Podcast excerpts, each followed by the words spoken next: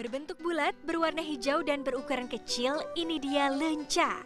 Lenca merupakan salah satu jenis sayuran yang masuk ke dalam suku terung-terungan.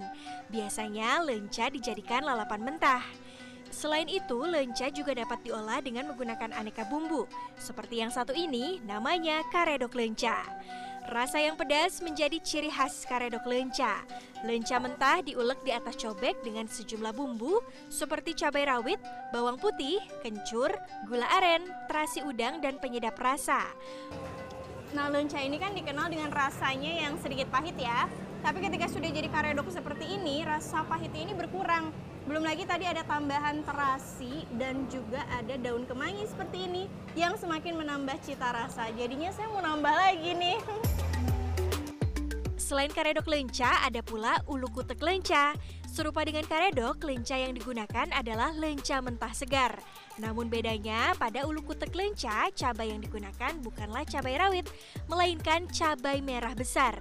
Ciri khas dari ulu kutek lenca adalah kehadiran oncom. Nama ulu kutek lenca berasal dari proses masak hidangan ini yaitu ulek atau tumbuk pada oncomnya dan kutek atau aduk pada saat proses menumis oncom dan lenca.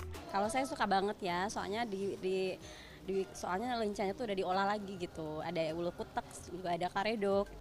Dikenal memiliki karakteristik rasa yang agak pahit, namun lenca memiliki sejumlah kandungan nutrisi seperti vitamin A, vitamin C, dan protein. Lenca juga merupakan sayuran rendah lemak dan tinggi kalsium.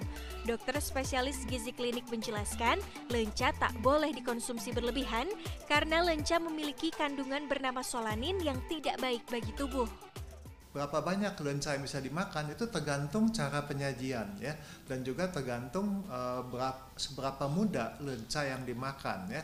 Kalau lencanya masih hijau-hijau misalnya dalam bentuk sambal lenca di rumah makan Sunda tentunya itu jangan terlalu banyak. Kita konsumsi satu sendok mungkin dua sendok dicampur bersama makanan yang lain tentu itu mungkin tidak terlalu berbahaya ya Johannes menyarankan agar lenca dimasak dengan proses rebus. Selain itu, sebelum memasak lenca, baiknya lenca direndam dalam air selama 15 menit guna mengurangi kandungan solanin.